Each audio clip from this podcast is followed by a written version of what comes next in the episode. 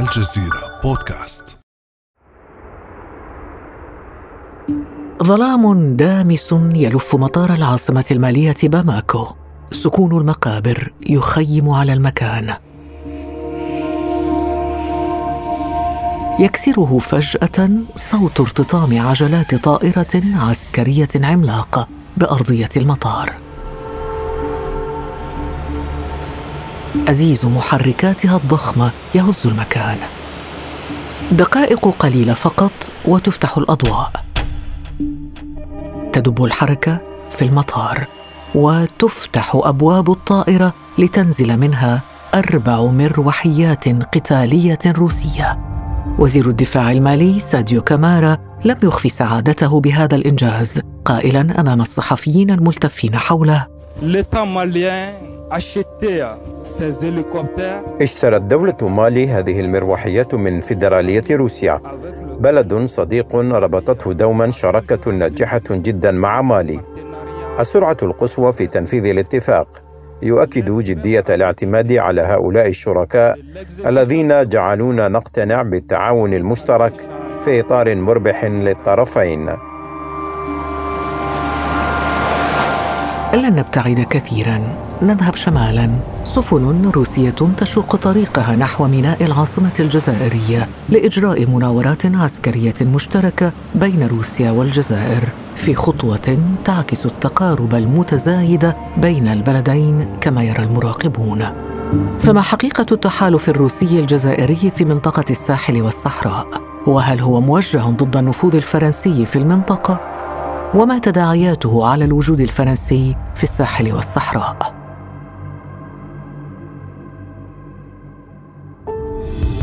بعد أمس من الجزيرة بودكاست أنا خديجة بن جنه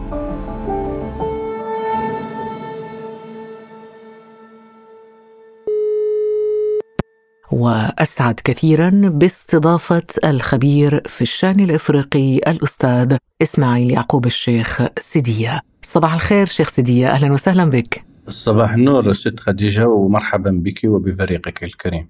صباحنا إفريقي شيخ سديه اليوم وحلقتنا تدور حول التحالف الروسي الجزائري والسعي إلى تقويض النفوذ الفرنسي في إفريقيا. السؤال البديهي في البداية هل فعلا هناك تحالف روسي جزائري برأيك؟ بكل تأكيد هنالك تحالف وليس من وليد اللحظة لأنه يعني روسيا كما هو معلوم صديقة للجزائر منذ فجر الاستقلال ولعلها يعني من الأوائل الذين فتحوا سفارة بالجزائر ما بعد حرب التحرير الجزائر الدولة الوطنية ثم إن الاتحاد السوفيتي يعني ترك هذه التركة بكل أمانة لدولة روسيا الاتحادية وظل الفريقان متحدين على جميع الأصعدة فحتى رغم أنهما يشتركان كمصدرين للغاز لكنهما أيضا تجمعهما أوجه تعاون كثيره منها ما هو معلوم ومنها ما هو غير معلوم. ومؤخرا اتضح أن حلف موسكو للجزائر يعني تعدى الحدود إلى مرحلة الدخول في الطوق الجزائري الساحلي الصحراوي. ثم إن الفضاء المتوسطي بدأ يجمعهما. بشكل جلي سواء ما كان من مناورات عسكرية أو من تعاون سياسي صريح على مستوى مجلس الأمن. اذا هو تحالف سياسي واستراتيجي قديم بين الدولتين وهذا بالفعل ما يقوله أيضا وزير الخارجية الجزائري رمضان العمامرة لنستمع. روسيا آه، دولة تربطها بالجزائر علاقات قديمة علاقات تاريخية. ولدينا مع آه، روسيا آه، إعلان شراكة استراتيجية. تم توقيعه منذ سنوات كثيرة بين لما زار الرئيس بوتين الجزائر والعلاقات بين الدبلوماسية الجزائرية والدبلوماسية الروسية تتسم بدرجة عالية من التشاور وترد هذه المواضيع المتعلقة بالقارة الإفريقية وعلى وجه الخصوص بالنظر إلى اهتمام روسيا في إفريقيا وتنظيم قمة بين الدول الإفريقية وروسيا. إذا ما يقوله وزير الخارجية الجزائري رمضان العمامرة يعبر بالفعل عن قوة العلاقات بين البلدين الشيخ سيدية بكل تأكيد رمضان العمامرة هو يعني داهية الدبلوماسية الجزائرية وصندوقها الأسود منذ أن كان في الاتحاد الإفريقي. وهو يعي ما يقول لأنه من المعلوم أنه روسيا والولايات المتحدة لم تكونا دولتين استعماريتين ووجودهما في مجلس الأمن يعني هو نوع من التوازن وإطلاق رصاصة الرحم على الإمبراطورية الإنجليزية والإمبراطورية الفرنسية اللتان كانتا تستعمران الدنيا بطبيعة الحال الجزائر أكبر ضحايا الاستعمار في العالم لأنه زاد على القرن بها ويعني تسبب في تشريد وقتل الملايين. في الجزائر. وبالتالي فإن الجزائر يمكن أن تشترك مع روسيا في كره الاستعمار وكره الإمبريالية. ثم إن الجزائر وروسيا تشتركان أيضا في الاستقرار السياسي وخاصة الدبلوماسي لأن الدبلوماسية الجزائرية والدبلوماسية الروسية تتميزان بعدم التهور وبالاستقرار سواء في الخطاب الرسمي أو حتى في الأشخاص. إذا الموضوع آه، برأيك شيخ سدية ليس موضوع شراء وبيع السلاح رغم أنه طبعا الجزائر معروف أنها تشتري السلاح من روسيا الجزائر ثالث مستورد للسلاح الروسي في العالم وأكثر من 60% من سلاح الجزائر هو سلاح روسي. الجزائر تمتلك ست غواصات روسية الصنع بين قوسين دول الجوار لا تمتلك أي غواصة. الجزائر لديها منظومة صواريخ روسية اس 400 إضافة للدبابات، إضافة للطائرات، للمروحيات، لأنظمة الرادارات الروسية التي تشكل في الواقع آه، شيخ سدية ركيزة القوات المسلحة الجزائرية. هل يمكن بناء على ذلك أن نقول أنه العلاقة هي علاقة بيع وشراء سلاح فقط أم أنها تتجاوز هذا الأمر إلى تعاون خارج نطاق السلاح؟ آه، لا أعتقد ذلك. هي ليست علاقة زبون بمزود بقدر ما هي علاقة بين وجهات نظر سياسية سائدة في البلدين لأن الدبلوماسية الجزائرية دبلوماسية سلمية وتنموية بالأساس لكن الجزائر يعني دولة غنية إحدى الدول النادرة في إفريقيا التي ليس عليها ديون. ثم إن الجزائر دولة عملاقة وكبيرة جدا سواء ما كان من حيث المساحة أو من حيث عدد السكان. إضافة إلى أن روسيا تعتبر صديقة للشعب الجزائري وليست مرفوضة يعني جماهيريا ولا حتى لدى النخبة الجزائرية وكما أسلفتم المنظومة الجزائرية التي تجاوزت 13 مليار من حيث التسليح هي لا تقتصر فقط على التزويد كم الرقم الذي قدمته؟ تقريبا 13 مليار دولار سنويا؟ لا منذ 2007 حتى الآن أنفقت الجزائر 13 مليار دولار على التسليح وكما أسلفتم 60% من هذا المبلغ هي للسلاح الروسي. السلاح الروسي الجزائري الموجود في الجزائر ليس موجودا في أي بقعة على الأرض سواء ما كان من حيث المنظومة الدفاعية والهجومية S-400 أو اس 400 أو ما كان حتى من الصواريخ العابرة للصواريخ الباليستية إسكندر. هذه الترسانة الجزائرية تجعل من الجزائر ذات كلمة في الطوق الجزائري. ثم إن تلاقح وتلاقي الرؤى لكن هل هل هذه الترسانة فعالة فعلا أم أنه يعني الشيخ سيدية لو تحدثنا بلغة الخبراء هناك من يقول أنه السلاح الروسي هو مجرد خردة وتنتهي صلاحيته وأنه شراؤه يعتبر يعني يدخل في سياق المجاملات السياسية ومجاملة لروسيا كما يقال ولا يقارن بالسلاح الغربي الأمريكي مثلا أنت كيف ترى الموضوع؟ أنا أعتقد أنه هذا الكلام مردود عليه لأنه لو لم يكن السلاح الروسي مهما لما تشكل الناتو لأنه الناتو ليس منتدا للرومانسية.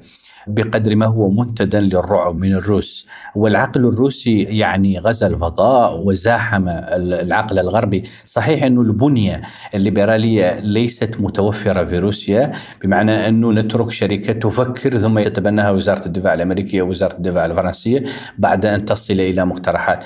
لكن الهندسة العسكرية الروسية عملاقة وتملك جامعات وتملك مختبرات وتجرب ما تفعل. معنى أن الروس يشكلون بكل تأكيد في منظومتهم الدفاعية وفي مخترعاتهم الصاروخية أساسا يشكلون يعني حجر عذرة أمام التغول الأطلسي. ندخل في المجال السياسي في التعاون السياسي أو تجليات هذا التحالف سياسيا في ملفات مهمة وإقليمية في مناطق مجاورة للجزائر مثل ليبيا ومالي. وربما هنا شيخ سيدية يتجلى هذا التحالف الروسي الجزائري بشكل أكبر. لو بدأنا بمالي ماذا تقول شيخ سيدية؟ آه، في تلاقي واضح بين السياسة الخارجية الجزائرية في مالي والسياسة الروسية وأعتقد أنه لولا الضوء الأخضر الجزائري لما تدخل الروس في هذه الدولة التي تشكل طوقا جزائريا بامتياز لأنه الحدود الجزائرية المالية كبيرة جدا وخطرة جدا بمعنى أنه فيه ضوء أخضر جزائري وفيه ضوء أحمر فرنسي. وحين التقى الضوءان خرجت روسيا. ما مصلحة الجزائر في أن تمهد الطريق لروسيا لدخول مالي عبر مرتزقة فاغنر؟ الجزائر يعني كانت مهدا لاتفاقين بين الحكومة المالية والمتمردين اتفاق الجزائر واحد والجزائر اثنين. وفي كلتا الحالتين تم إفشالهما فرنسيا. وهذا يدل على أن الجزائر بعد المصادقة على الدستور الذي يسمح للجيش الجزائري بالخروج عن الحدود الجزائرية يعني صارت تريد بشكل واضح أن تبعد أي خطر يهدد امنها القومي فالمعضله المالية. تهدد الجزائر بشكل أو بآخر لأنه معظم حملة السلاح في مالي لديهم أصول جزائرية أو لديهم تعالقات مع النسيج الاجتماعي الجزائري خاصة النسيج الطارقي. الجزائر بها طوارق ومالي بها طوارق. على حافتي الحدود هنالك تعالقات تتأثر بها الجزائر بشكل مباشر. ثم إن النكوص السياسة الفرنسية وفشل السياسة الفرنسية في الجزائر هو يعني هدف استراتيجي للجزائريين لأن الفرنسيين حاولوا أكثر من مرة إفشال مخطط اتفاقية الجزائر وإفشال الدور الجزائري في مالي. حتى أن الجزائريين يعني أخرجوا بإرادة فرنسية من تجمع دول الساحل. مع أن الجزائر كانت تسمح لفرنسا بالمرور عبر أجوائها لتنفيذ عمليات في مالي. هذا شيء سابق على التدخل الروسي لأنه في قاعدتين عسكريتين فرنسيتين موجودتين في تشاد وتشاد لا يمكن أن تصلها إلا عبر الجزائر أو ليبيا. السماء الليبية لكن هذا لا يرتقي إلى مستوى تنسيق جزائري فرنسي في موضوع مالي سابقا؟ لا لم يكن هنالك تنسيق. هنالك كانت هنالك علاقة قوية بين باماكو والجزائر وهذه العلاقة شابتها بعض الشوائب بطعم فرنسي. ولذلك فالجزائريون بالنسبة لي يرحبون بالروس يبدون من الترحيب بالروس أكثر مما يخفون لأنهم بذلك يحكون السياسة الفرنسية حكا في مالي وهذا بحد ذاته ينسجم مع الموقف الآن الجفاء بين الجزائر وباريس. يعني ينسجم حالة الخصومة أو الجفاء بين الجزائر وباريس ولكن ينسجم أيضا مع حالة الجفاء والخصومة بين مالي وبين فرنسا. ورئيس وزراء مالي شوغل مايغا يعني لم يدخر فرصة في كل مرة لانتقاد فرنسا. وهنا دعنا نستمع الشيخ سيدية إلى ما يقوله شوغل مايغا بخصوص فرنسا. تأسف مالي لعدم احترام قاعدة التشاور والتنسيق التي يجب أن تكون مبدأ في الشراكة. هذا الأمر لم يتم احترامه من طرف فرنسا، والقرار الجديد بسحب قوات برخان يضع مالي أمام مهمة غير مكتملة، وهو تخل عن مالي في منتصف الطريق. هذا يدفعنا للبحث بطريقة مستقلة عن شركاء آخرين لضمان أمن واستقرار مالي. يعني كأنه هنا يعني نقرأ المقولة الشهيرة عدو عدوي صديقي يعني اقتراب مالي من الجزائر أو الجزائر من مالي أمام خصم مشترك أليس كذلك؟ وهو باريس. بكل تأكيد شوغل ميغا وهو الطالب مالي السابق في الاتحاد السوفيتي وبعض الضباط الذين انقلبوا على بابكر كيتا وانقلبوا بعده على الرئيس الانتقالي. هؤلاء يعني يتلاقون في حب الروس ويتلاقون في كره فرنسا وربما يتلاقون في وداد الجزائر. بمعنى أنه شوغل ميغا عندما يقول ان فرنسا تخلت عن مالي بما تسميه إعادة هيكلة قوة برخان اللي هو يسميه ايمانويل ماكرون redimensionnement redimensionnement تقصد إعادة التعديل؟ إعادة التعديل بمعنى أنه فرنسا كما تعلمون انسحبت من ثلاث قواعد عسكرية في مالي بعد أن بقيت هنالك منذ نهاية 2012 منذ أيام فرانسوا هولاند وحتى الآن.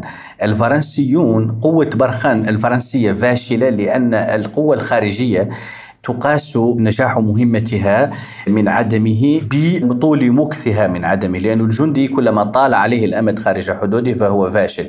ولذلك فانسحابها من مالي إضافة إلى مقتل إدريس ديبي في تشاد. ونجاح محمد بازوم في النيجر والعنف اللفظي الذي بدر من محمد بازوم اللي هو الرئيس النيجري الحالي من الأقلية العربية. تجاه العسكر في مالي يعني بدأت فرنسا تحب النيجر أكثر من ذي قبل وتجعلها خليفة لتشاد. وتستعدي مالي. وتستعدي مالي وتنسحب من مالي. إذا فرنسا تستعدي مالي وهنا هذا بالضبط ما يقوله الرئيس الفرنسي إيمانويل ماكرون. أنا مصدوم. كلامه غير مقبول. رئيس وزراء مالي هو وليد انقلابين عسكريين. فقد كان هنالك انقلاب في آب أغسطس عام 2020 وانقلاب داخل الانقلاب. إذا شرعية الحكومة الحالية منعدمة ديمقراطيا. هذا غير مقبول. هذا أمر مخزن.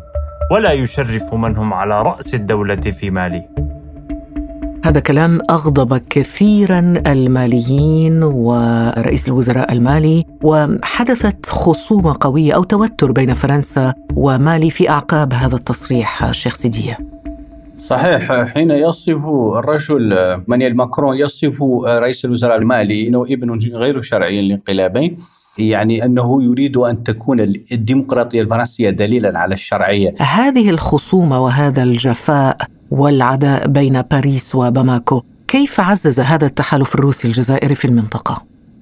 الروس أكبر حليف لديهم في شمال إفريقيا هو الجزائر. والجزائر هي من دول الطوق المالي ومالي هي من دول الطوق الجزائري بمعنى أنه لو لم يكن هنالك ضوء أخضر جزائري لما دخلت روسيا أصلا إلى مالي ثم إن الوجود الروسي في المستعمرات الفرنسية دليل على اثنتين أو كليهما إما انه انكماش للدور الفرنسي وفرنسا بطبيعتها مستعمر بخيل حتى في نقل التكنولوجيا وحدث ذلك في جمهورية وسط إفريقيا حيث وجد الروس بشكل شبه رسمي. ثم إن تكرار التجربة الروسية لمرتزقة فاغنر شركة فاغنر يعني يعني زاد الطين بلة بين موسكو وباريس وهذا ما لا يخفيه الفرنسيون ويرحب به إفريقيا. بشكل رسمي بدأ جماهيريا وانتهى رسميا. طيب هذا الاستعداء بصراحة يعني يبدو استعداء مجاني من فرنسا لمستعمراتها السابقة. بهذه الانتقادات الموجهة من الرئيس إيمانويل ماكرون لمالي للجزائر أيضا لأن هناك أيضا انتقادات وجهت للجزائر وقال ماكرون بأن الجزائر لم تكن أمة قبل احتلالها من فرنسا. وانتقد أيضا الرئيس عبد المجيد تبون أليس بهذه الخطابات المستعدية للمستعمرات الفرنسية السابقة في إفريقيا ترمي فرنسا بهذه الدول إلى أحضان روسيا؟ ومن هنا نفهم ربما هذه التحالفات كالتحالف الجزائري الروسي؟ بكل تأكيد شوفي هو روسيا فلاديمير بوتين يفضل مارين لبن والأقصى اليمين الفرنسي على ماكرون لكن من حظ ماكرون ربما أن مارين لبن لا تعارض الوجود الفرنسي العسكري خارج الحدود وقد قضت إحدى مناسبات عيد الميلاد مع الجنود الفرنسيين في تشاد وهي المنافسة الرئيسية لماكرون في الانتخابات الرئاسية القادمة. لكن ماكرون في حواره مع الجزائر فقد البوصلة بحيث أن الجزائر هي الدولة الوحيدة التي يمكن أن تحل محل فرنسا في الساحل. الدولة الإفريقية الوحيدة وإذا كان ذلك بدعم روسي أو تحت عنوان روسي فأهلا وسهلا لأنه المهم أنه استبدال فرنسا ممكن وهذا ما أثار حفيظة فرنسا. ليس فقط بروسيا وإنما بالجزائر أيضا لأن القاطرة الجزائرية كبيرة جدا ويمكن أن تزيد من تبادلاتها الاقتصادية مع دول الطوق الجزائري التي هي بالضرورة منطقة نفوذ فرنسية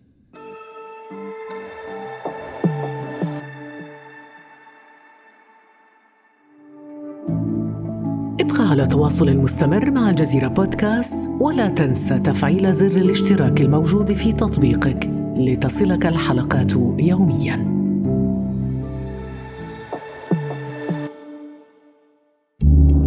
الشيخ سيدية لو وسعنا الدائرة وذهبنا إلى أبعد من ذلك في منطقة الساحل يستوقفنا مشهد لافت في الحقيقة تداوله أيضا رواد مواقع التواصل الاجتماعي لطفل يدعى أليو سوادوغو وهو من بوركينا فاسو اعتبر بطلا يستحق الثناء من أبناء شعبه وهو من بلدة كايا شمال بوركينا فاسو. الطفل لم يتجاوز الثاني عشر من عمره أسقط طائرة مسيرة فرنسية فقط بمقلاع بيده كان بيده مقلاع ورمية حجر خلال مشاركة هذا الطفل في مظاهرة لمنع مرور قافلة عسكرية فرنسية قادمة من كوديفوار باتجاه النيجر. وهذا يعكس في الواقع حجم ازدياد المشاعر الشعبية الداعية لمغادرة القوات الفرنسية.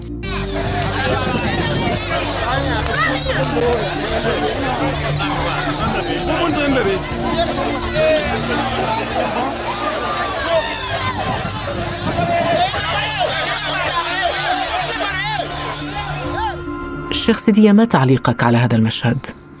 أنا أعتقد أن هذا المشهد هو جزء من الترنح الفرنسي في مستعمراته السابقة وهو دليل على أنه فيه رفض شعبي لأنه هذا الموكب المهيب الذي توقف بين بوبو دولاسو وبوركينا فاسو في طريقه إلى النيجر هو ليس في نظر البوركينابيين ليس إمدادا عسكريا تقليديا وإنما هو تكريس لوجود استعماري طال أمده وقبله القادة. ولذلك فالموقف أحرج الحكومة البوركينابيه لدرجة خروج الناطق الرسمي باسم الحكومة للحديث عن مباحثات بين الحكومة والوالي معناه أن الحكومة عاجزة ولا تريد لفرنسا أن تسقطها لأنه بلغ الأمر لدرجة بالرفض الجماهيري في بوركينا فاسو للوجود الفرنسي درجة الحنق ودرجة احتمال قيام ثورة جديدة بعد الربيع الأسود الذي استهلوه بإسقاط بليز كومباوري سنة 2014 أمام هذا التراجع للوجود العسكري الفرنسي في المنطقة كيف ترى مستقبل التحالف الروسي الجزائري؟ أنا أعتقد أن التحالف الروسي الجزائري هو الذي سيحل محل فرنسا تدريجيا. لأنه ما الذي تريده روسيا من إفريقيا؟ جنوب الصحراء. روسيا تريد بكل تأكيد سوقا لبضاعتها وتريد أيضا سدا للفراغ وإخمادا للمدافع بشكل أو بآخر. ولو أن البضاعة الروسية أكثرها السلاح بالدرجة الأولى لا يمكن أن تدخل روسيا إلى هذه المنطقة إلا عبر الجزائر وبالتالي فالرصيد الهائل من الشراكة في جميع المجالات بين الجزائر وروسيا يستثمره الروس بذكاء ويستثمره الجزائريون بدهاء. إسماعيل يعقوب الشيخ سيدية سعدنا جدا واستفدنا جدا من هذه الحلقة الجميلة معك وأنت الخبير في الشؤون الإفريقية. شكرا جزيلا لك. شكرا لكم سيدتي الكريمة. كان هذا بعد أمس.